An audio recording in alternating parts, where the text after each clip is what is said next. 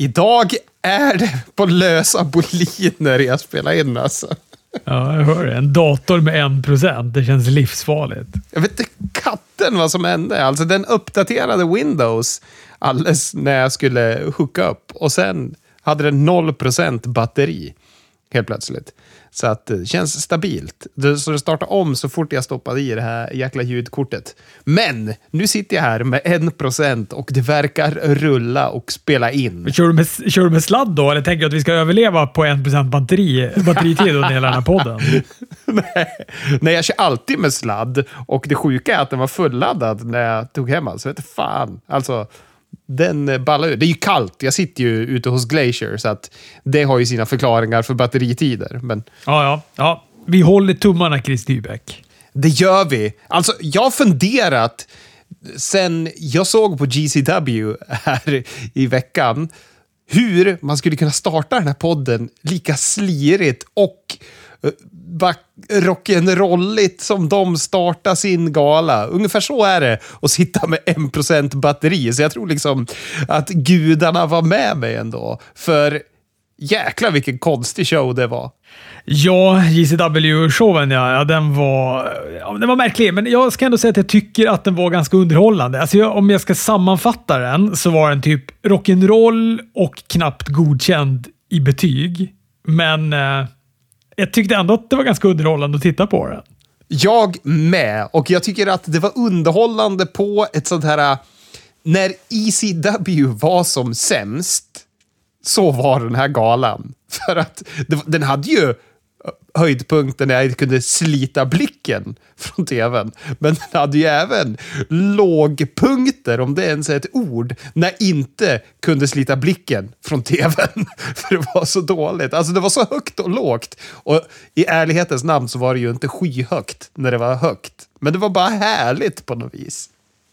Kan vi återkomma till den? Får jag börja med lite andra grejer? Verkligen, verkligen, verkligen. För jag läser precis nu, eftersom jag tänkte att jag ska surfa in och se om det har hänt något de senaste tio minuterna som jag suttit och väntat på att din data ska få en procent. att eh, VVE och Disney har slagit sina påsar ihop. Disney Plus ska husera VVE i Indonesien. Det var som fan. Nu är det underligheter. Disney plus McMahon. Vad händer? Känns det inte som att de ändå kun, kan vara en potentiell köpare av VVE i framtiden? Ja, kanske. Nu när du säger det. Det skulle kanske vara liksom en produkt som går in där bredvid Marvel, mellan Star Wars. Ja, kanske. Det är ett steg åt något håll i alla fall, om inte annat. Även om nu Tony Khan var ute och... Eller inte Tony Khan. Vad heter den andra Khan i VVE? Nick Khan. Nick Khan, även om han nu var ute och väldigt tydlig med att de inte planerar på att sälja och att de inte letar aktivt någon, eh, någon köpare av produkten. Exakt. Jag hade massa tid eh, över i veckan och ingen wrestling att se. Hör och häpna. Eller jo, jag hade NXT, men jag är fortfarande sur. Så att jag valde att kolla på Royal Rumble 1993 istället. Du är ju galen. När vi även har haft liksom ett, extra pay-per-view med ett förbund som vi aldrig, vad heter det, idkar titta på. Så tittar du på Royal Rumble från 93. Var det bra då? Ja, men, ja, men jag tyckte det var trevligt. Jag kollade också med Hoa och Bruno som kommentatorer. Det var ju nostalgiskt. Men eh, Såklart. Jag, jag vill minnas att jag var väldigt besviken på Martin Jannetty mot Shawn Michaels. Men den matchen var ju fan toppen. Ja, gud ja. Men är inte det för att Hoa och Bruno kanske inte var så hög på den? Jag kommer inte ihåg. Men man färgades ju mycket av deras åsikter. Ja, man gjorde ju det. Jo, men de var ganska... De, de hypade upp den ganska mycket innan. Förståeligt, för de var, ju, de var ju stora fans av Shawn Michaels. Men sen så var det mer att de tyckte att de höll på att knega utanför ringen. Jag tror att det var, det var mycket sånt. Att de aldrig var inne i ringen och brottades. Men eh, nej, jag tyckte den var helt... Jag tyckte den var toppen. Jag, nu, de har ju gått några matcher. Jag tror inte att jag har sett alla. Jag tror fortfarande inte jag har sett den här som... eh, Var det inte Meltzer som typ gav den 4,5 stjärna eller sånt där? Någon, någon av de här Raw Intercontinental titelmatcherna som de gick när Martin Jannetty kommer tillbaka lite grann. Ja, typ precis. kanske närmare 94. Exakt, exakt. Nej, men jag har alltid tyckt att de hade bra kemi även i singelsmatcher mot varandra. Eh, de gångerna man fick se dem. Men sen så är jag ju otroligt partisk mot båda de här herrarna. Sen hörde jag också att Robert Stone hade blivit manager åt Von Wagner och då kastade jag mig på NXT. så jag har faktiskt kollat på det också och jag tyckte att eh, men den här veckan var ett ganska bra avsnitt. Det fanns ju givetvis toppar och dalar, men överlag nöjd. Kul! Och eh, de vet ju hur man ska boka Braun Breaker, helt klart. De gör ju alla rätt med honom. Han skulle börja veva mot hela Del Fantasma-gänget ute på någon parkering. Du vet, han var ju såhär, av med klockan, kavla upp armarna, spelar ingen roll. De hade kunnat vara tio stycken mot han.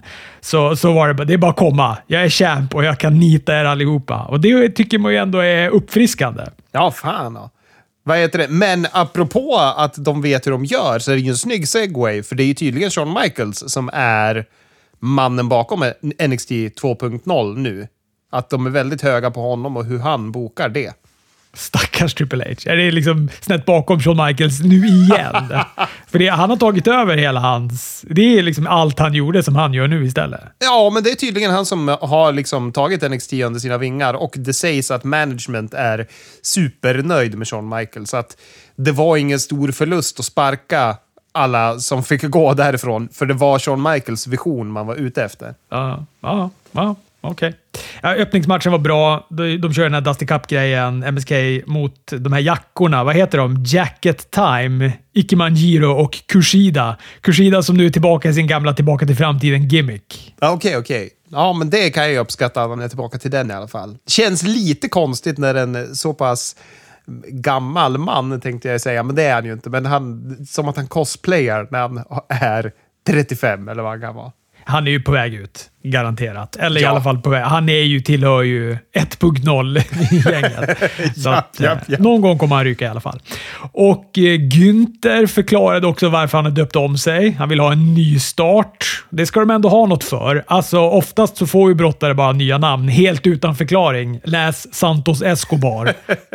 Men här tyckte väl ändå Shawn Michaels att det fanns eh, någon typ av vikt i att man ändå förklarar varför han går från Walter, som vi har känt till honom så länge, till Günther.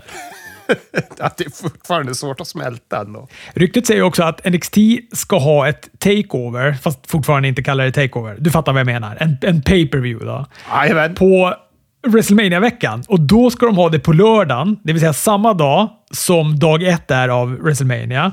Va? Fast klockan 12. Så det blir liksom matiné-wrestling. Trevligt för oss i Sverige, men vad fan? jag tycker det låter toppen. Ja, det är, det är klart att det, det är konstigt att de gör det. De bränner väl ut sin publik också, men, men eh, klockan, vad blir det hos oss då? Är det typ klockan sex eller något sånt där? Ja, det måste ju vara något sånt. Perfekt. Lagom till middag kan man kolla på NXT fram till typ pre-showen för WrestleMania börjar. För den börjar väl klockan nio för att de ska hinna med alla timmarna där också. Men då kan man ju sova sen under pre-showen så man orkar med och se WrestleMania. Jag har redan planerat att jag ska vara ledig på måndagen så att jag ska kunna se det här live. Ja, det är bra. Jag har också tagit ledigt. The Inspirations, som de heter i Impact, Iconics som vi känner till, de tackade nej till Royal Rumble. Det tycker jag ändå är beundransvärt att de gör. Verkligen! Det hade varit så otroligt lätt för dem att krypa tillbaka om man ska vara lite ful i munnen. Men att liksom få en payday, få eh, den exposure som de får av att vara med och så vidare. Men de står på sig och liksom väljer att gå sin impact-väg istället. Det är fränt. Ja, jag gillar det också. Impact hade tydligen gett tummen upp och allting, men när, när frågan landade hos dem sa de tack, men nej tack. Ja, det är coolt. De, de är ju tag team-mästare där, tror jag fortfarande. Jag har ju sett exakt noll sekunder av dem i Impact, men jag gillar dem. Inte brottandes nödvändigtvis, men jag tycker de är underhållande. Framförallt när de är tillsammans. Då tycker jag de är toppen. Oh ja. Nej, men jag, jättecoolt. Jag har varit också väldigt överraskad eh, och good for them. Och så sen så ryktas det också om att eh, Ronda Rousey är på väg tillbaka till eh, Royal Rumble. Då kommer hon gå och vinna det. Då får ju Bianca Belair vänta. Men du har ju sagt att det är nästa år Ronda Rousey kommer. Så tror du hon kommer i år? Tror du de lyckas eh, fiska tillbaka henne? Jo, jag tror att de kommer i år. Har jag sagt nästa år? Jag som stod och slog mig på bröstet här när jag läste det här tänkte ah, kolla! Det jag har siat om slår in. Men det, det, det stämmer nog. Ja. Det kanske är nästa år jag har sagt att de ska komma tillbaka. Då ändrar jag mig och tror att det är det här året. det får du, för jag tror att i fjol så sa du att det var i år. Så att vi kör på det. Men vad heter det? jag har även läst rapporter om att det är väldigt out of left field namn som man diskuterar som ska vara surprise entrance i år i Royal Rumble. Vilket får en att gnugga händerna, men sen så blir man lite orolig för man har ju varit med om Tony Khan nu i två år. Så man vet Ja. inte vad man har att vänta. Jag då som inte kan engelska, vad betyder det? Alltså att det är namn som kommer vara väldigt... Eh, som, det kommer vara flyga av stolen-effekten. Är men som är väldigt oväntade kan man säga. Ja, men va? Det är ju typ... Ah, vet, du vad? Jag tänker så här. Vi kan väl ta en omgång Royal Rumble avslutningsvis. Ja, vi gör det. Vi hoppar dit då. Jag tänker Santino Morella bara innan, jag, innan vi hoppar, som en förvarning. Du lägger den så får den ligga där och marinera. Santina Morella. Eh, för nu vill jag... Vi måste prata den här GCW. Game Changer Wrestling Pay-Per-View då. The World. Bra namn för övrigt, tycker jag, på en Pay-Per-View. Jag, tyckte det var jag tycker det är ett svinbra namn. Jag vet inte varför jag gillar det så mycket, men det är, det är, det är The World. Det är hela världen. Det är toppen. Det var ju lite hela världen på showen också. Det måste man ge dem. Jag ska börja med att vara oerhört tydlig också med att det här är då första gången som jag någonsin ser Game Changer Wrestling. Så att eh, någon som ser något för första gången ska hålla på och tycka om det, det kan ju vara provocerande. Jag är helt med er. Jag tycker också det är svinprovocerande. Vi börjar med det positiva. Jag gillade miljön. Jag tycker att det är ett fränt ställe, ECW och så vidare. Vad är det heter? Ha Hammerstein Ballroom. Hammerstein Ballroom, just det. Tyckte det var bra upplyst också.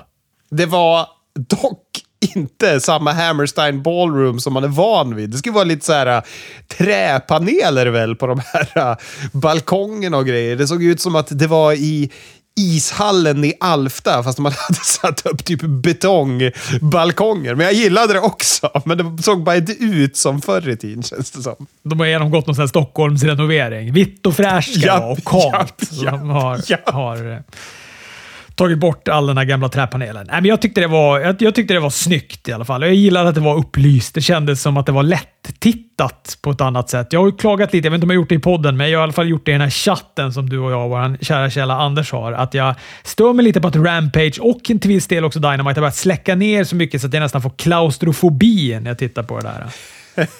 Japp. Sen fanns det ju utvecklingspotential när det kommer till ljudet och filmningen av den här galan. Jag kan tänka mig, du också som ändå har lite historik till att, att jobba med och filma och sånt där. Du måste ju ha gnagt sönder nagelbanden när du tittar på det här. Ja, det var ju lite jobbigt. Vit balans. De har ingen aning om vad det är. Så när man klipper från olika kameror så är det ju olika färg på tvn. Det är superstörande. Men det blir ju samtidigt härligt på något vis. Även fast man störs. Det är lika med ljudet. Alltså, ring announcern går knappt att höra. Och när han pratar så säger han ju fel. Och han svär. Och det är bara skit. Men det är jätteroligt. Bland det bästa produktions grejen de gjorde, det är ju att mitt under andra matchen, som är en trios match, så hör man på högtalarna “Guys, you gotta go home”. För att de håller på och drar över tiden. Men de kan inte säga det, skicka en funktionär som säger till domaren, utan de kör det så alla i hela lokalen hör. Det är så jävla dåligt. Det är också på något sätt den ultimata förnedringen. Ni gör inte ert jobb. Nu är, ni är tjocka. Gå hem nu alltså. Nu, nu är det dags att runda av. Ja. Nej, men du var lite inne på det tidigare. Det som var bra var bra, det som var dåligt var uselt med versaler på den här galan. Den här brass ring leather match-grejen som öppnade, den var smärtsam att titta på. Alltså det var inte bara för att den var rätt risigt genomförd, utan det var också för att den kändes som att den var rent av livsfarlig. Ja, på så många sätt. Plus en förvirrad PCO som går runt. Alltså, jag vurmar otroligt för PCO, men han är ju som om han är lobotomerad på riktigt och går runt och inte vet vad han gör. De har släpat ut där från ålderdomshem och han bara... Jag, jag, jag kan inte förklara hur han var i den här matchen. Och så liksom slutspotten när AJ Gray ska hoppa från en stege, men han förstår inte att man inte kan skjuta ifrån från stegen, så han faller ju rakt ner på en annan stege som ligger i ringhörnan. Ja, det är bedrövligt. Också att de repriserade den några gånger också under galan. Det var lite som att de, att de satt och garvade i, i produktionsrummet också till den här. Tänkte den här jäveln ska få sota för att den är så kass och gör på det där sättet. Nej, men, men eh, det är också ganska tydligt det här med produktion och när de då är några som ska ligga utanför och vila medan andra håller på i ringen. De här människorna gick ju bara runt som typ yra höns där runt ringen. Man så kan inte ligga då och typ i alla fall se utslagna ut eller någonting. PCO han gick ju bara och tittade fram och tillbaka. Ja, men han var ju förvirrad på riktigt. Alltså jag får lite tårar i ögonen för att jag sitter och småskrattar för mig själv åt PC. Alltså jag, jag älskade hur borta han var. Alltså det var ju hemskt och det var ju farligt. Men det var så konstigt med just PCO. AJ Grace, PCO, Alex Colon, Tony Deppen, G. Raver, Jimmy Lloyd och Jordan Oliver var de som var inblandade i den här. Leo Rush skulle varit med, men det var han inte. Fick ju sin förklaring senare. Och AJ Grace då, som skulle ha mött Eddie Kingston, var, men han blev, var ju skadad av Eddie Kingston, så han var inte med på den här. Så då fick AJ Grace hoppa in här istället och eh, vann ju den då. Men jag gillar Tony Deppen i alla fall. Jag har sett han i Ring of Warner, så det kändes som att det var tryggt att hålla i någon av de här. Och jag tycker också det är lite kul att se PCO. Han är ju en åkattraktion. Ja. Även om det inte är den mest ja. explosiva och... Eh, det är inte den här åkattraktionen som kostar flest åkbiljetter. Han är, han är tekopparna som går runt där. Ja, matchen var en bilkrasch. Det var den sannerligen. Men jag gillade det. Alltså, den var skit, men jag måste säga att det var superhärligt att det började så här dåligt. För det var, det var ett så här, när ECW var som sämst, då var ju det nästan så här kast också. Alltså de kunde ju ha riktigt låga punkter, så att jag tyckte det var roligt på något vis. Och jag är glad att ingen dog. Ja, och sen blev det ju supertjusig wrestling. Den här sexmanna tag matchen mellan eh, Gringo Loco, Flamita och Arrest, tror jag han hette, mot eh, Bandido, ASF och Clarido Kid.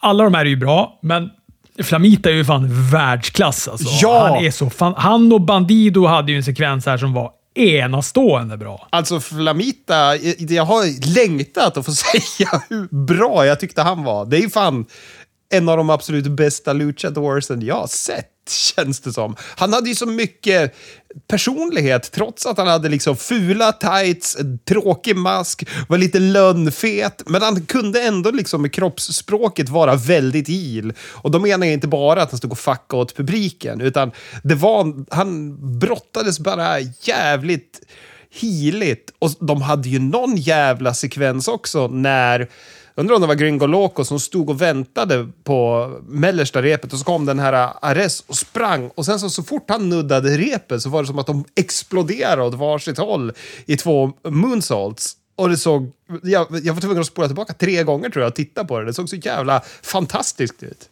Nej, men den, här, den här gillade jag och det var skönt också att det blev en sån här bra match efter den där eh, första matchen. Den här kanske också blev lite bättre eftersom man också hade suttit och kollat på den där eh, första matchen. Sen ska man komma ihåg att vi, det var ju här vi fick “You gotta go home” och sen, sen brottas de ju på alldeles för länge efter det och publiken började kasta in pengar i, i ringen efter matchen och då börjar de ju gå och samla upp pengarna likt traditionen och tackar publiken. Men då kom det ju funktionärer och började slita i dem och knuffa ut dem och skulle ha, ha bort dem. Så att det var en bra match, men car crashen fortsätter. Jag älskar det. Blake Christian, All Heart, skulle ha mött Jonathan Gresham, men han kunde inte dyka upp, så då blev det match istället då mellan Blake och Leo Rush, vilket jag tyckte var det var tur för Leo att han fick den här matchen istället för att vara med i den första. För att ja, han är toppen ja. och jag gillade den här matchen. Ja, gud ja. Det var lite tråkigt ändå med de matcher som var vanliga matcher. För de vart överspeglade av spektaklet. Jag tror den här trios-matchen, den gynnades av att det var just en trios-match och att den kom direkt efter ladder-matchen. Den här matchen med de här två, den kom ju direkt efter en fantastisk trios-match och sen så var det liksom en 2-5-parning. Jag tyckte också att det var en habil och bra match, men den var inte så mycket mer. Och så Matt Cardona mot Joe Janella. Alltså den matchen var ju kul inledningsvis, för det var så mycket känslor. Cardona pissar på Sandman, han gör entré till hans intro. Publiken hatade han och Chelsea, vilket var väldigt, väldigt roligt. Han öppnade också sin promo med att, med att säga GC Universe, vilket var väldigt, väldigt roligt. ja, ja, ja. Men jag har nog aldrig sett så många fuck you-fingrar någonsin i, i mitt liv som under den här galan. nej, nej. Och den här matchen var ju alldeles för lång och den var alldeles för rörig. Alltså, det var, alltså de här run-insen som var. Marco Stunt kom in, X-Pac kom in, Brian Mayers kom in, Hornswagel, Virgil var för helvete med också någon sekund. När Mark Sterling presenterade någon som då hade hjälpt Cardonas karriär och så säger han “Vince” och så dyker då Virgil upp i Vince McMahon-mask till No Chance in Hell introlåten, vilket jag funderar på ifall de verkligen har rättigheter till att använda. Sen slet han av sig masken och så visade det sig att det var en annan Vince som kom in då. Ja, det var ju, här var ju en car crash utan dess like. Men jag blev glad av den här också. Förutom att den var för lång. Alltså, det, det var den sannerligen. Men Cardona är ju fantastisk i den här rollen. För egentligen är han bara en sports entertainer. Men det hatar de. Och jag tycker det är jätteroligt. Ja, men den grejen gillar, gillar jag verkligen. Men jag håller med. För lång och eh, långsam och alldeles för rörig. Vars var den här killen som gapade “You gotta go home” i micken under den här matchen kan man undra. ja, precis.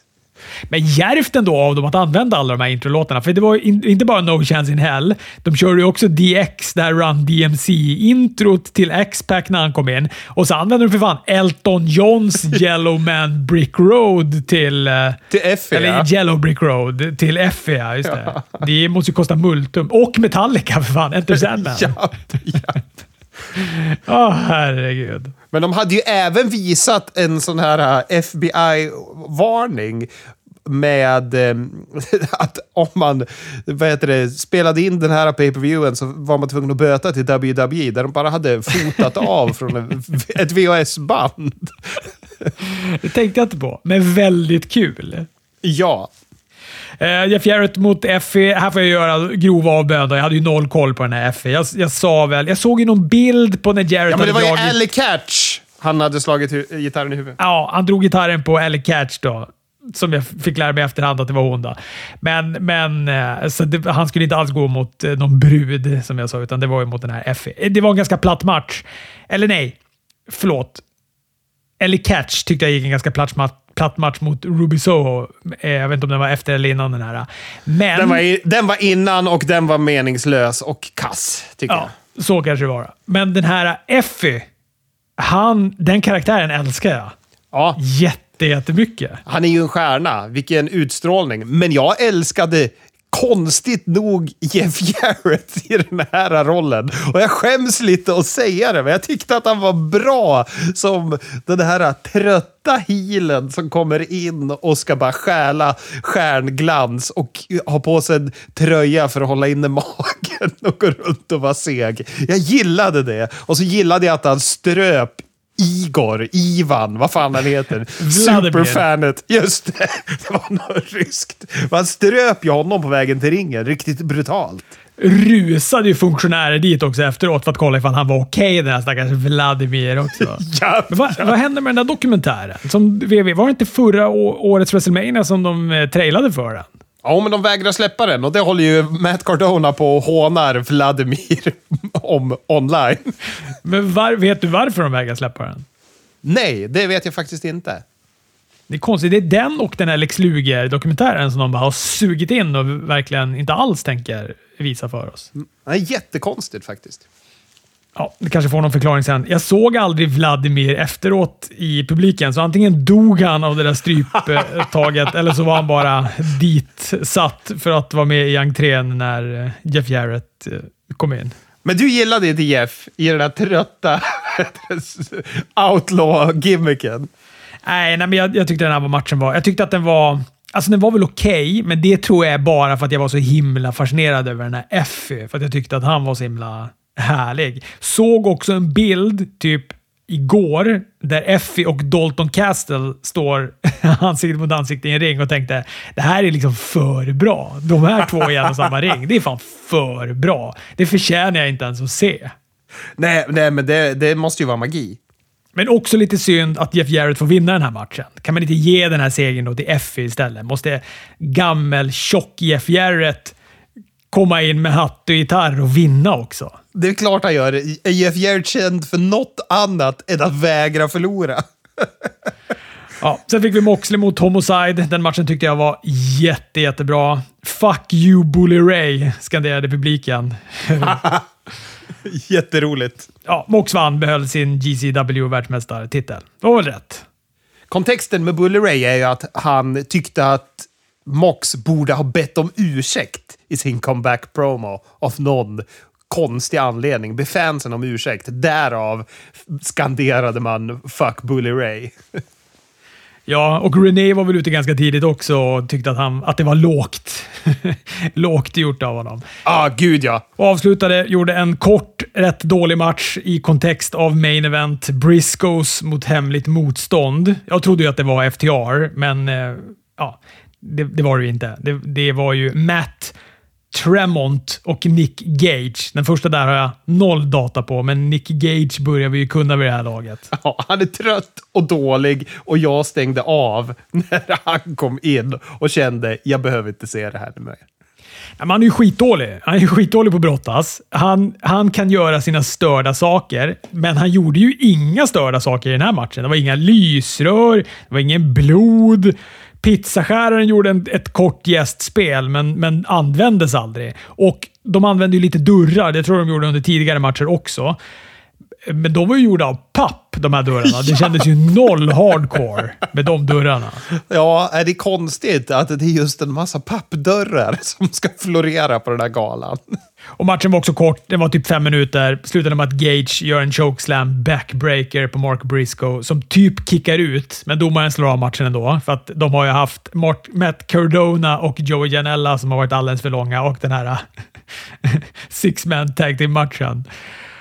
Så att eh, tidsbrist gjorde att de var tvungna att hugga av den, vilket Briscoes inte såg jätteglada ut över, för de var ju ändå tvungna att sälja den där soppan. Ja, tråkigt för dem. Alltså, ja, man är ju sugen på att se Briscoes mot FTR varje gång något av de här teamen är i en ring. Så vill man ju att det ska ske. Och efteråt så stod Gage och gapade i ringen om att det, hans gäng är äkta. Bla, bla, bla, bla. Hela rosten kom in och stod bakom honom. Jag vet det här tycktes de inte ha så mycket tidsbrist, men jag kollade i och för sig på fight-versionen, så de kanske hade lite längre tid att hålla på där. Det var ett ganska långt utdraget avslut där han bara står och babblar om sitt gäng, den här Nick Gage. ja. ja, jag är glad att jag inte såg det känner jag. Men rock'n'roll pay per view jag trivdes ändå. Jag tyckte att det var skoj att titta. Det var kul att se lite nya. Jag blev glad att jag fick se den här F-in. Jag kommer nog se fler GCW pay per views ifall de nu gör några. Även om, som sagt, den får fan knappt godkänt den här galan. Nej, nej, nej, nej, verkligen knappt godkänt. Men vi bara skummade över X-Pac, men jag måste säga att han såg ju jävligt pigg ut när han kom in och gjorde sin X-Factor. Men han mår väl ganska bra nu, gör han inte det? Jo, han är clearad för att brottas och letar väl efter match. Det lutar väl Matt Cordona ändå. Vi skummade också bara över, eller vi, vi nämnde han inte ens vid namn, men Sabu var ju inne en sväng i ringen där också. Ja, just ja! Gjorde exakt ingenting.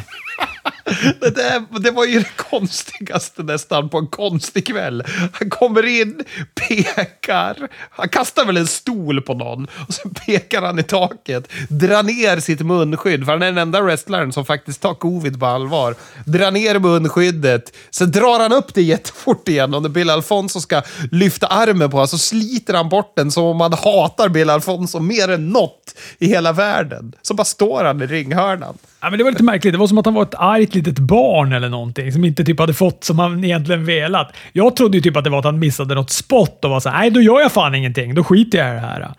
Men, eh, men han kanske, det kanske är som du säger, att han tar covid på så mycket allvar så att han inte vill. Eh. Men då kan man ju också, ett tips Sabo, det är ju också att stanna hemma. ja, sannerligen, sannerligen. Det är inte livsviktigt att vara med på en Game Changer Wrestling pay per view och stå och peka. Han behöver pengar han också. Ett annat tips är att läsa Johan Karlssons gästrecension hos eh, Sebbe på den här galan. Jag tyckte det var mycket, mycket bra. Ja, det har jag läst också. Ha, låt oss prata lite AEW. Det känns ju extra kul att göra det den här den här veckan av uppenbara anledningar. Men vi ska komma dit, till Dynamite. För vi ska börja med Rampage, som eh, öppnade med Moxley mot Ethan Page. Jättebra match. Tyckte, en, tyckte om den jättemycket. Tyckte också att Moxley såg pigg ut. Nu var det här det första jag såg med Moxley eftersom jag såg Game Changer Wrestling. Eh, nej, fan det gjorde den. Jo, den, nej, den såg jag ju efter Jo, den här var den första matchen. Ja, precis. Game Changer Wrestling-matchen var, var dagen efter. Den var på lördagen, ja. Eller om det till och med var på söndagen. Skitsamma. Efteråt i alla fall så ställer sig Brian Danielson framför han när han är på väg ut. Och det fick jag gåshud av. Så jävla kung! Ja, så jävla jävla kung. Trent mot eh, Nick Jackson blev det istället då för det återförenade Rapungi Vice, som vi hade blivit lovade. Hade han fått covid, Rocky Romero, eller? Jajamän. De har ju mötts tusen gånger i tag team, men det här ska tydligen vara första gången som Trent och Nick Jackson går en singelmatch mot varandra. Hör och häpna. Mm. Jag tyckte den var bra. Trent fick vinna. Det var väl gentilt, så de kan fortsätta bygga upp då för när den här tag team-matchen ska komma. Ja, precis. Ja, men den, var ju, den var bra, men det var lite ointressant på något sätt samtidigt. Men det var ju en bra match rent brottningsmässigt. Sen fick vi Hook. Ja, sen fick vi inte bara Hook, vi fick fan Serpentico mot Hook. Det här var ju som, som ett smörgåsbord gjort för mig. Ja, Hook också sin första livematch på TV. Alltså han har ju gått Rampage bandade grejer tidigare, men det här är första gången som han var live. Lika över som John Moxley, fan. Om kanske inte ännu mer över. Det är, publiken går ju bananas för den här killen. Ja. Och han är inte förtjust i Serpenticos serpentin-gig. För när han, när han börjar trassla med dem där, då härsknar ju Hook direkt. Drar på han tre knän i diafragman, några judokast och sen binder han upp han i ett Red Room stående. Vilket jag tyckte såg hårt ut. Ja, det var kung. Jag tycker Serpentico var en väldigt bra motståndare. Han är ju väldigt eh, givmild på att jag behöver bara sälja. Jag behöver inte få in någon offensiv alls, vilket är ju perfekt mot Hook. Jag tyckte det var en jättebra bokad match, för när Solo fick ju få in lite grejer ändå, men här dog han direkt, ormen. Och QT Marcel kom in också efteråt gafflade lite, men Hook slänger han i ett judogrepp, traskar sen över han och ut. Det var också snyggt. Ja, bravo! Ja, fan, Hook. All the way. Och sen var det Anna Jay mot Jade Cargill om eh, TBS-titeln. Det var sista matchen. Det var 12 minuter kvar när Jade Cargill gjorde entré, vilket eh, jag blev lite nervös för. Hennes CV av långa matcher har ju varit eh, rätt värdelöst. Och, eh, men jag tyckte den här matchen var bra. Jag tyckte att Anna Jay höll upp den. Hon var fan toppen. Och jag tyckte publiken var på. Jericho var på. Vad kallade han John Silver? Haggy? Eller något sånt där i, i kommentatorsbordet. Jag vet inte vem det är, men det låter kul i alla fall. Men jag måste ju säga att både Anna Jay och Jade Cargill har ju, de har ju utvecklats. Alltså, säga vad man vill om Jade, hon är ju kass, men hon är ju bra mycket bättre nu än om vi backar två månader. Backar vi ett halvår så är det ju som en helt annan människa ändå. Jo, absolut. Men jag tror att det är det här med långa matcherna. Det är att hon inte håller riktigt för dem. Men nu, som jag sa, den här var bra. Jag tyckte att den här höll ju för 12 minuter. Jag tror också mycket att det var Anna Jay, för jag tyckte verkligen att Anna Jay var toppen i den här matchen. Och hon, eh, hon vände ju det här första Jaded-försöket och eh, jag kommer inte ihåg vad, vad hon gjorde, men hon gjorde det på något väldigt snyggt sätt i alla fall. Ja, skitsamma. Sen fastnade hon i en powerbomb och alla de där kraftgreppen som Jade Cargill gör, de gör hon ju otroligt bra. Den här pumpkicken hon gjorde också såg ut att kunna skjuta iväg Anna Jay ut till andra raden i publiken. Ja, sen lyckades hon då sätta sin Jaded och vinna i alla fall. Och... Eh, nej, men jag, jag var nöjd. Tyckte att det här var ett bra, bra Rampage. Stinten mellan Mox och eh, Brian där är ju... Den går man ju ner i spagat av. Ja, oh ja. Och kul också när John Silver, alltså snabbt tillbaka innan main eventet, men när John Silver mimar med till Mark Henrys “It's time for the main event” med ett brett sånt fanboy-leende. Det älskar man ju. japp, japp, japp. Sen hade vi då Dynamite som eh, gjorde... Ja, det var kul att de gjorde en grej av att det var beach break i Cleveland, Ohio, där det var liksom sex grader och snö utanför. japp, japp, japp. Men det öppnade ju med en fenomenal stegmatch mellan Cody och eh, Sammy Guevara. Mycket bra tempo, mycket bra spots. Snygg jävla cutter högt upp från ena stegen till den andra där, där Cody stod. Och en inte lika tjusig dag, men ändå en crossroads från samma position också av Cody på Sammy Guevara lite senare. Jag måste säga att jag tyckte det var en bra match, men jag tycker Sammy Guevara har noll psykologi. Fy fan vad, vad det är spot wrestling. hans bitar i den här matchen. Jag tycker ju att, ja, hade inte Cody varit där och hållit ihop den, då hade den här kunnat varit helt meningslös i mångt och mycket. Nu tycker jag den var en bra match, men han har mycket att lära, Sammy Guevara, när det kommer till att berätta en historia i ringen. Men och att han gick och vann. Jag tyckte det var så himla oväntat. Jag trodde inte att Ja. han skulle vinna den här matchen. Det kändes som att de har stökat över han som mästare. Men nu var det som att... Eh, vet jag. Blev det en backlash för Tony Khan här? Fick han för mycket kritik för att han hade haft Sammy Guevara för kort som mästare och att han inte gjorde någonting av det så att han nu vill då gå tillbaka till det, eller? Jag vet inte, för det känns ju inte som att det här var vägen de gick innan Cody vart, eh, så han inte kunde gå matchen. Så att Eh, det känns som att de har gjort en ändring av någon anledning i alla fall. Och jag har ingen aning om varför. Men eh, det är roligt att bli överraskad, för jag trodde verkligen, verkligen, verkligen att Cody skulle vinna. Ja, det trodde jag också. Och jag tyckte också att han vann på ett sånt där... Eh, de står båda och bökar högst uppe på stegen och så bara dunkar han och titeln i huvudet på Cody som faller till backen och så bara plockar han ner dem. Och när de gör det där först så tänker jag så här, aha, okej, vad, vad ska nu hända? Ska han halka? Eller du vet, man är ju också lite VVE-skadad när det gäller de här stegmatcherna. Men jag gillar i alla fall att de jag gillar i alla fall att de inte VVE-klättrade. Alltså ibland är det ju så parodiskt hur långsamt de klättrar upp för stegen i VVE. Här kändes det i alla fall i början som att de försökte att inte göra det. Alltså, vilket ändå rimmar bra med hur matchen utvecklar sig. Alltså, försöker man i första delen av matchen att klättra för stegen, då gör man ju det med lätta, snabba steg. Man har energi, man har precis börjat. Men sen i slutet när du har överlevt 20 minuter spö, då är det klart att man får klättra sakta, men inte överdrivet sakta. Nej, nej. Och inte bli sämst på att nå saker som hänger en millimeter ifrån dig så du råkar slå den så den börjar pendla. Som det alltid är. Nej, men jag gillade den här. Jag tyckte det var en toppenmatch. Fuego del Sols inblandning kändes väl lite onödig, men annars är jag jättenöjd. Men han sålde Tiger Drivern fint. Eller han tog Tiger Drivern jävligt bra. Även om det var helt onödigt. Wardlow spelade, spelade två jobbers. Jag trodde att de skulle göra någonting mer av honom i hans hemstad, men eh, det gjorde de inte. Jag var ju lite inne på att det här var ett perfekt tillfälle att vända han face, men nu var vi väl inte där i storylinen riktigt. Men, eh, men när han turnar, återigen, det kommer fan explodera då. Det är så nära den där turnen nu också. Jericho Santana och Ortiz mot Daniel Garcia och 2.0 var väl ganska väntad. Det har ju osat samarbetssvårigheter tag till match inför den här matchen och mycket riktigt. Jericho taggade in sig själv. Ortiz och Santana taggade varandra istället för att tagga in Jericho. Ja, de vann också. Det, jag tyckte väl det också var lite synd att de vann, för att om det nu ska strula så kan man väl i alla fall ge vinsten till 2.0 här. Ja, de behöver en mer eftersom de har ju ingenting med själva storylinen att göra känns det som.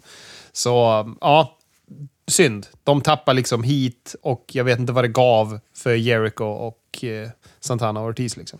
Men det var en okej match. Det var det. Och sen Punk och MJF, de fortsätter. Nu fick vi ett datum för deras match. Den kommer ske i Chicago nästa vecka. Det kändes som att publiken inte... Alltså även om han sa att det var han så poppar de ingenting för det, för de bara nej, det kommer ändå inte bli det. Nej, men alltså. Jag tycker CM Punk gjorde en sån dålig pro. Alltså han, han försökte ju snacka ner MJF, men han jämförde MJF med fansen. Att MJF var ett fan och att då är man beneath CM Punk. Att MJF, han betalade ju för att se CM Punk. Han ville ha hans autografer, han hade hans affischer på väggen. Och det är de som är fansen, som är så, som ska gilla CM Punk. Och så står han och liksom kallar MJF för dålig för att han är som alla dem. Som att CM Punk är bättre. Jag tycker det var en jättekonstig promo. Men jag tror att den bara slog lite fel den här. För jag tror att han egentligen menar väl typ att så här, du är ju egentligen ett fan av mig. Eller du har ju alltid gillat mig, men nu håller du på att prata om, om att jag är dålig. Bla, bla, bla. bla. Ja, Men att, för jag håller med. Jag, jag tyckte att CM Punk var... Jag tyckte inte att han var så bra här. Men det var ett för att han körde den här fangrejen och det kändes som att den föll lite fel. Och två för att han hela tiden höll på att köra de här billiga staden-popsen som jag tycker ja. är... Varför gör han alltid det? Ja, De är, det är som att någon måste ändå så här knacka på honom och säga så här, för att du behöver inte göra dem där längre. Nu, de är ganska beiga nu. Så du behöver inte göra dem längre. Nej, nej. MJF vinner alla veckor i att vara underhållande och bra på micken när de här två duellerar. Men jag tycker det var ett bra segment, för sen så kommer ju hela Pinnacle in och spöar upp eh, CM Punk och den delen tyckte jag var bra. Man älskar ju FTR. Jag tycker de är så jävla bra på något vis. Man hatar Sean Spears. Man tycker han är så blek på något vis. Ja, och framförallt hatar man Sean Spears frisyr. och strumplösa smalben som tittar fram under hans jävla kostymbyxor. Så gillade jag att, att MJF satte sig på sin Punk. Satte sig, satt, satte sig skräddare på bröstet på honom efteråt också. Han kör liksom Punks signifikativa sittställning. Om man nu kan göra skräddaren till sitt signum. Men det kan man om man heter sin Punk. det kan man! Nej, men jag håller med. Det, är väl, ehm, det, det var ändå ett bra bygge. Det var det helt klart. Vi får se om det blir en match nästa vecka eller om det kommer bli någonting annat. Det känns ju som att det där är en pay per view match Å andra sidan är de i Chicago. Det kommer bli jävligt dålig stämning ifall det inte blir en match av det där ändå. Oh ja! Leila Hirsch mot Red Velvet var stökig. Båda de här två kan bättre än vad de levererade här. Hirsch vann och det var väl eh, ja, var ganska väntat. Hon behövde ju vinna den här matchen, helt klart. Verkligen, verkligen. Men här var det ju pisspaus på publiken. Den var inte så exalterad här. Och så main eventet. Adam Cole mot Orange Cassidy i en lights out-match. Hur mycket poppar du när Adam Cole drar fram Danhausen under ringen? ja, men alltså otroligt. Alltså, man, man log. Det var så oväntat och så konstigt när Danhausen dras fram med en stol under ringen och kommer upp och gör sin Dracula-pose mot Adam Cole som ser ut som att han tittar på en bajskorv ungefär och tänker vad fan är det här? Och sen går ju bara Danhausen iväg som en gammal man och bara försvinner. Men det var jätteroligt. Publiken, hälften vet inte vad det här är är för konstig. Som bara ser ut som vem som helst fast med målat ansikte. Och resten av publiken är lika pepp som jag är. Det var helt underbart. Ja, men det var kul. De som vet, de vet. Och de tyckte det här var helt fantastiskt. Ja. För dem är det här det största som har hänt. Jag vill bara påpeka att A&W, de som han råkade skicka ansökan till, de har ju gått ut och gratulerat honom och välkomnat honom till familjen nu när han är elit också. Vilket jag tycker är fint. Ja, för det var liksom andra grejer. Jag blev så chockad. Jag blev så extremt chockad av det här. Jag såg det inte komma någonstans. Nej. Såg inte det här heller live, så att jag vaknade, gick upp, slog på direkt.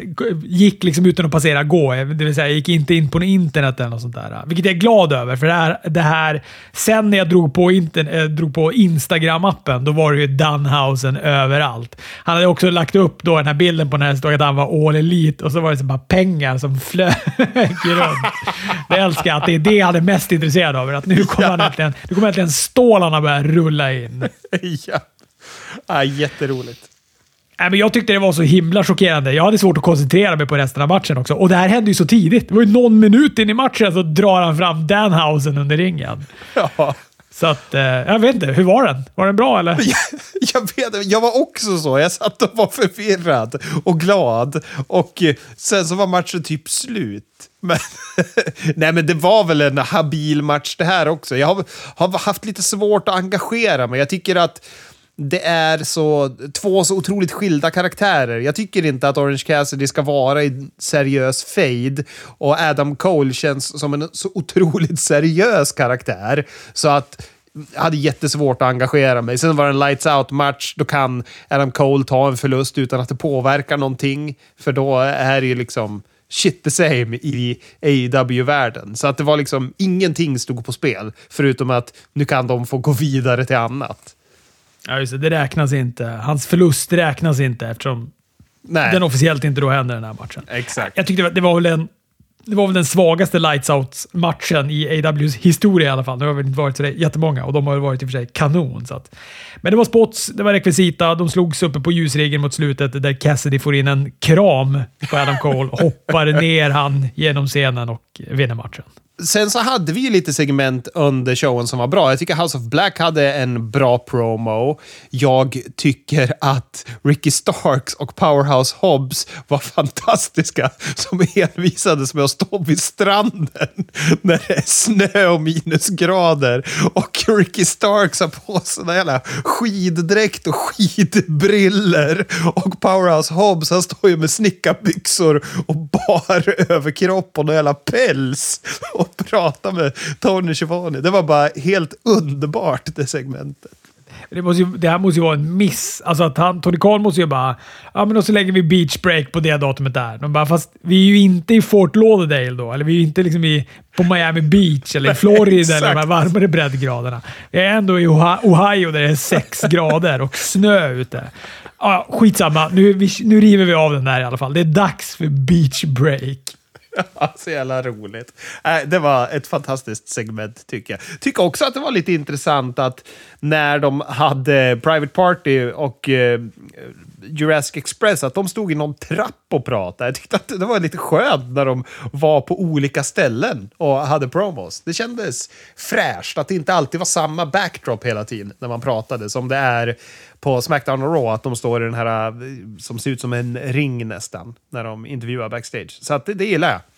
Eh, Smackdown öppnade ju med eh, Seth Rollins. Han hade med sig Kevin Owens till Smackdown. De har ett eh, ganska bra inledande segment med Usos och Roman. Det tog oss också till kvällens main event. Det var då Seth Rollins och Kevin Owens mot The Usos. Med stipulationerna om Kevin Owens och Seth Rollins vinner, ingen Usos ringside på Red Rumble. Om Usos vinner, då får Roman semester fram till WrestleMania. Då är Seth Rollins mot Roman Reigns på Red Rumble struken. Det var ganska lätt att se hur det skulle sluta, det här main eventet. Men det gjorde inget. Det var ett bra segment ändå. Ja, precis. Det var en, eh, jag, jag, tyckte att segmentet var bra. Jag tycker också matchen var bra. Kevin Owens och Seth Rollins vann en, en, en mycket bra match på VVS favoritavslut. En diskvalifikation. Japp, när han kommer in och gör en Superman-punch och eh, sabbar matchen. Men jag håller med. Alltså, jag har inget att klaga på där, förutom att det är för förutsägbart. Och, fan, det får man väl stå ut med. Men den är så kontraproduktiv den här diskvalifikationen som Roman gör. Alltså han, han märker ju då, Seth har liksom momentum, Usos håller på att förlora, publiken sjunger med i hans intro. Vad han ska liksom göra, han peggar för en stomp. När då Roman bestämmer sig för att nu är det dags att springa in en Superman-punch så att det här blir en diskvalifikation. Men han, de, han förlorar ju, de förlorar ju lika mycket som de skulle ha förlorat ifall han hade fullföljt den där och räknat ut dem istället. Det är ja. förnedringen då han vill inte råka ut för, antar jag. Ja, det måste ju vara det. Men jag tycker det är roligt när publiken får hålla på Seth Rollins. Och han är ju en sån wacko-karaktär nu som bara älskar att vara i ringen och vara den här konduktören. Han har ju blivit Dragonov och vifta med sina händer. Och, äh, jag tycker det är en härlig twist på den karaktären just nu. Kevin Owens var inte den enda från Raw den här kvällen. Även Big E dök upp med Kofi Kingston som moraliskt stöd i hans match mot Madcap Moss. Sen fick vi ju ganska många. Vi fick eh, Summer Rae var med, Jeff Jarrett var med, din favorit, och Eric Bischoff. Ja, min riktiga favorit. Jag vill säga att Jeff Jarrett... Fast jag tror att jag skulle nog kunna tänka mig att, att sitta och surra med Jeff Jarrett. Dela på någon, någon öl med honom och prata. Jag tror att han är trevlig, men är ingen stor favorit. Annars vill jag bara påpeka, även fast jag tycker om feta, lata Jeff Jarrett av någon konstig anledning. Men är han också nu en förbjuden dörr då när han har gått match i Game Changer Wrestling? Jag vet inte. Det var jättekonstigt att han var med, för han var ju helt onödig. Han kom och, och stavade sitt namn med Boogs. Och sen skulle de stava till Boogs namn, men då fejdade man bort promon. Då var det “Guys, you gotta go home”. Var det. Men du, den här Summer Rae-grejen, den var ju också väldigt märklig. Hon satt ringside när Alia gick match mot Natalia. Hon gav också Natalia onda ögat och Cole sa någonting om att Natalia hade varit taskig med, mot Summer Rae på internet. Och Natalia och går en ganska svag match med ett diskvalifikationsavslut. Självklart. Vad annars? Och efter så fortsätter då Natalia sparka på Alia i ringhörnan, vilket också då kostade henne matchen. Och då tror man ju att Nashvilles own Summer Rae, som de liksom har varit tydliga med att hon sitter där ringside, de är ju också i Nashville, att hon då ska hoppa in och hjälpa. Men nej, då skickar man istället in Saya Lee, som vi inte har sett röken av på veckor. ja! Det är så konstigt. Det, det, det, ja, jag vet inte. Här hade det varit skönt om det var förutsägbart och inte Sayali helt plötsligt. Viking Raiders och Los Latharios gick en bra match. Den fick eh, inte så mycket tid, men den var ganska tight och den var ganska välbrottad. Det gjorde mig glad. Charlotte Flair vann över Naomi i en titelmatch där Sonja Deville var special referee. Hon slog av matchen i en figure eight utan att Naomi hade tappat ut och McAfee gjorde självklart en Bret Hart-referens. Och nästa vecka då ska de äntligen gå en match, Naomi mot eh, Sonja det såg Bishop till, och, och, vilket var lite märkligt. Ja. Men, men, jag har inte så höga förväntningar att det där upplägg, upplägget kommer vara punkt och slut efter nästa vecka, utan det där lär väl fortsätta in till WrestleMania säkert.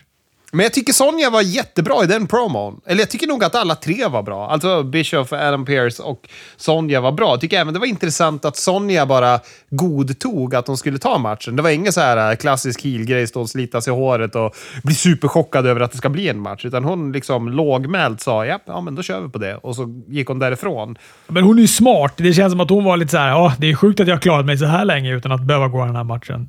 Ja, men, ja, men jag gillade det. Det var ett, eh, ett härligt segment. Jag tycker det är intressant för det visar ju på någon schism mellan, eh, mellan Adam Pearce och Sonja Deville också. Kul med en Eric Bischoff som sitter på axeln och försöker få Adam Pearce att ta lite mer eh, makt. Ja, jag gillade det segmentet. Jag hör ju det när jag pratar om det, att jag tyckte nog det var väldigt bra.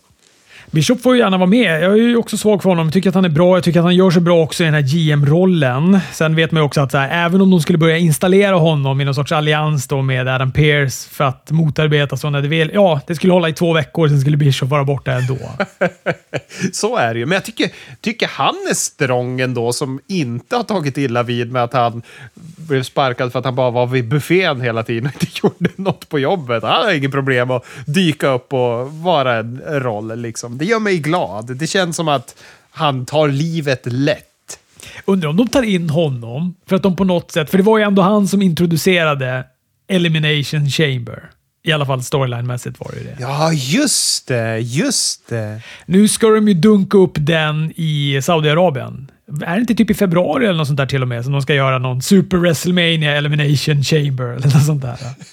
ja, jo men det är ju något sånt. Och det har ju folk varit lite så här, är det så smakfullt att ha någonting som heter Elimination Chamber i Saudiarabien? Och det får man väl tycka vad man vill om. Sheamus vann över Ricochet igen. Gjorde han inte det förra veckan? Jo, men nu var ju Ridge Holland med, så att nu var det ju en helt annan match. Du klagade ju förra, förra veckan på varför han var borta, så nu fick du han tillbaka i rutan. Det är skönt när Vince lyssnar på podden ändå. Veckans Insane, eh, jag är fortfarande på det här. Knoxville fick bra pops när han kom in för att avslöja att Sami Zains stunts, de här elchocksmojängerna som han körde på sig själv, de var inte ens på. Men det löste Knoxville. Han slog på dem, tryck på on och så gav han Sami Zayn en kyss och sen så välte han över topprepet. Men eh, Sami Zayn är ju fantastisk nu. Gud vad han verkar ha roligt. Alltså, det, jag blir så glad av honom. Jag youtubade också några gamla Jackass-klipp. Jag blir lite sugen på att göra det nu jag, såg, jag har sett Johnny Knoxville två veckor i rad. Här. Och första säsongen den kom ju år 2000. Johnny Knoxville har ändå varit konsekvent i sin klädstil i 22 år. Han har exakt samma kläder på sig. Ja, roligt. Det har i och för sig jag också. Jag ser exakt likadan ut som för 20 år sedan, fast jag ser bara lite äldre ut. Ja, ja, men det var Smackdown. Vi har också ett Raw som inledde med invägningar. Folk älskade Brock Lesnar. Han gjorde entré i flanell och svinrygg. Visst kallas det så när man har gjort en fläta sådär av håret som ligger längst, längs gässan? Ja, men han hade ju även cowboyhatt. över den där jäkla svinryggen. Och han var så glad. Han är ju också så glad som han själv blir glad.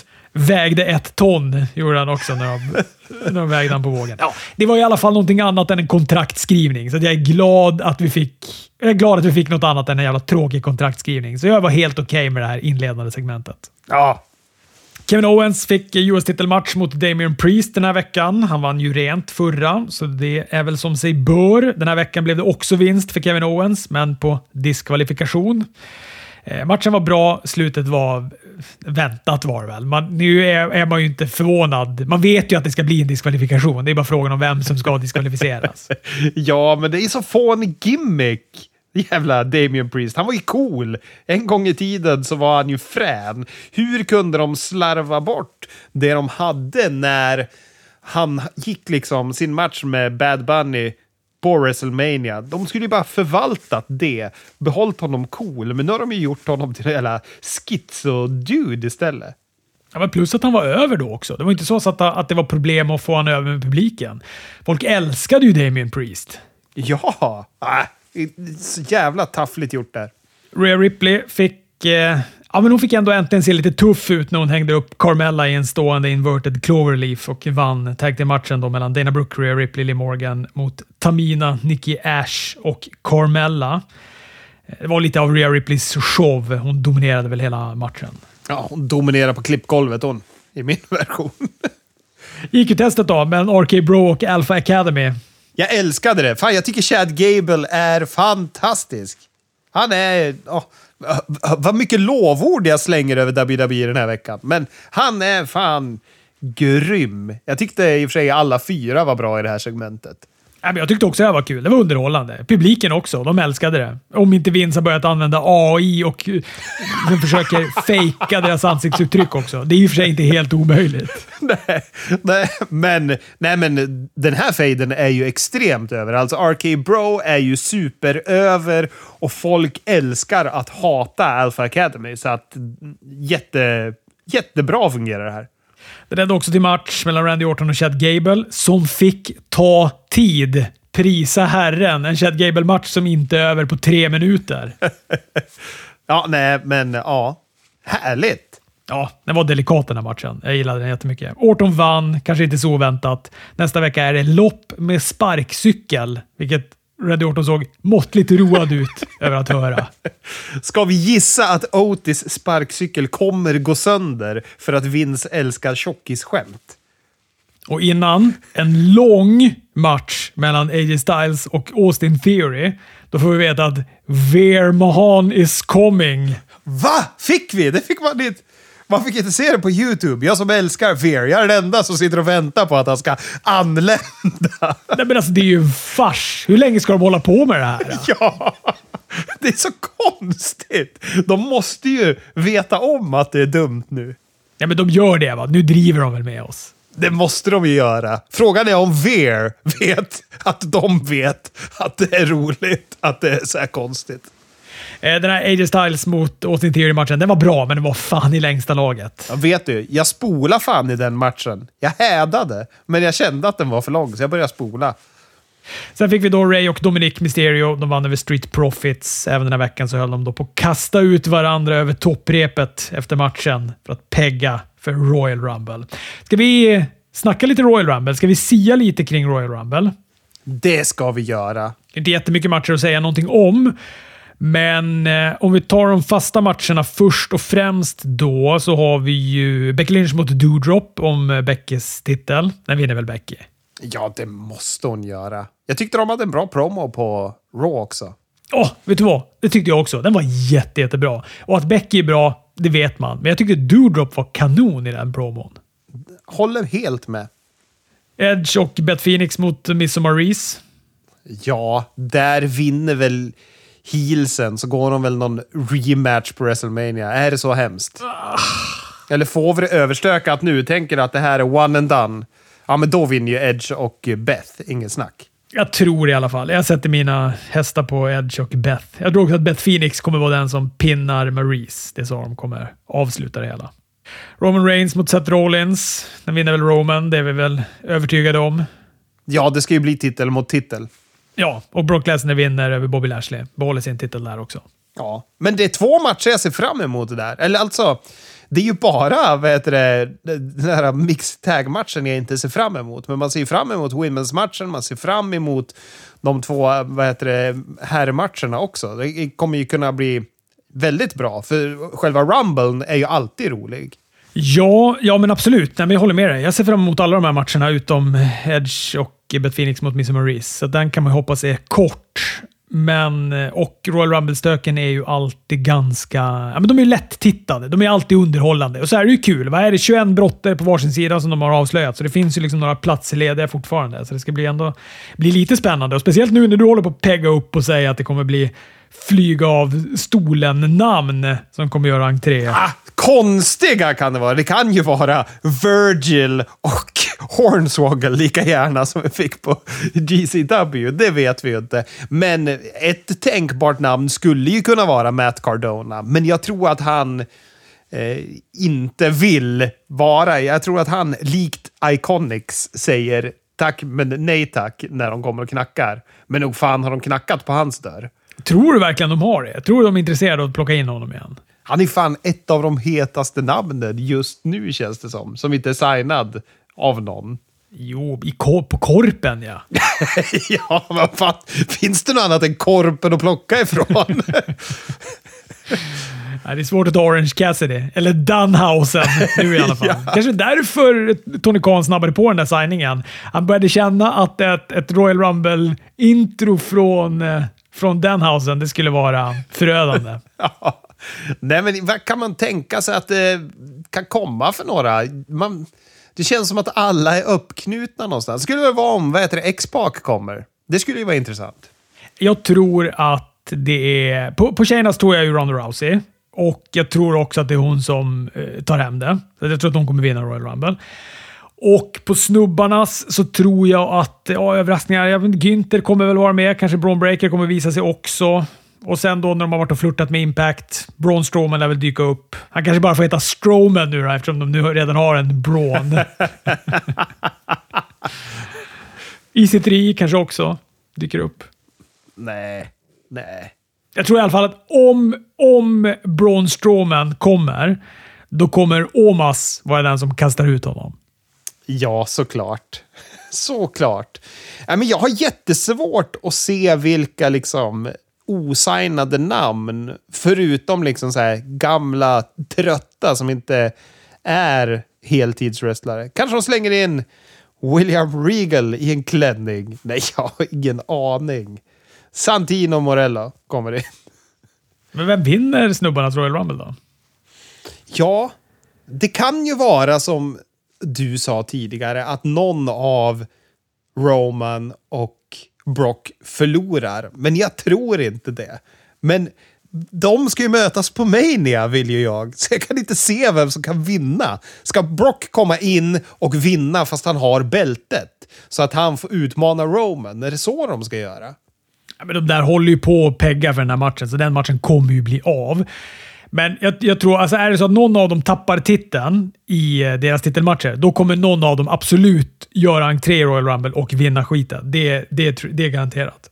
Men eh, annars, vad fan, det är ju som inte så här, det är inte heller så att det är någon, ja men det är typ AJ Styles kanske. De kanske vill ge han en, en de håller ju ändå på att vända honom face nu och kanske vill ge han en sista chans. Alltså jag, jag ser ingen som kan vinna. Det skulle vara Drew McIntyre om han hade varit hel. Men... Nej, alla de andra stora namnen som skulle kunna vinna Royal Rumble, de är ju i, i titelmatchen tycker jag. Det är ju Seth, det är Bobby, det är Roman, det är Brock. Ja, det är typ AJ Styles eller alternativt Kevin Owens. Man vet ju inte vad de har, vad de har strukit medårs med för att han skulle skriva på det där kontraktet. Kanske var en Royal Rumble-vinst i potten.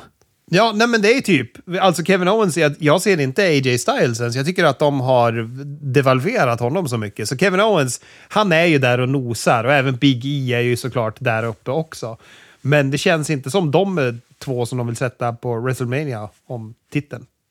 De gav ju upp på Big E.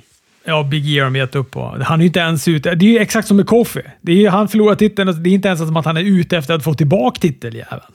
Nej, superspännande! Alltså, jag tycker det ska bli intressant att se när man inte har något självklart namn. som man tror kommer vinna. Alltså hör man Romans eller Brocks musik, sekunden man gör det, då vet man ju vem som kommer vinna. Men innan det, då har jag ingen aning. Vi har svaret om en vecka. Detta om detta. Vi hörs.